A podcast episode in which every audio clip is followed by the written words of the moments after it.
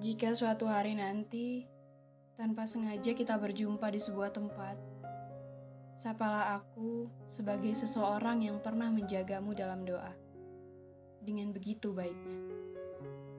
Tentang aku yang merasa bahagia saat bersamamu, lupakan saja.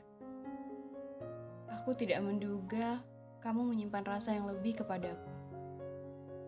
Caramu memperlakukanku membuat aku takut akan menyakiti hatimu karena tidak mampu membuat kamu bahagia. Bukan karena kau tak layak bersamaku, tetapi aku berhak mendengarkan kata hatiku. Bagiku, kamu adalah salah satu rencana Tuhan dalam hidupku, dan aku tidak bisa membohongi perasaanku.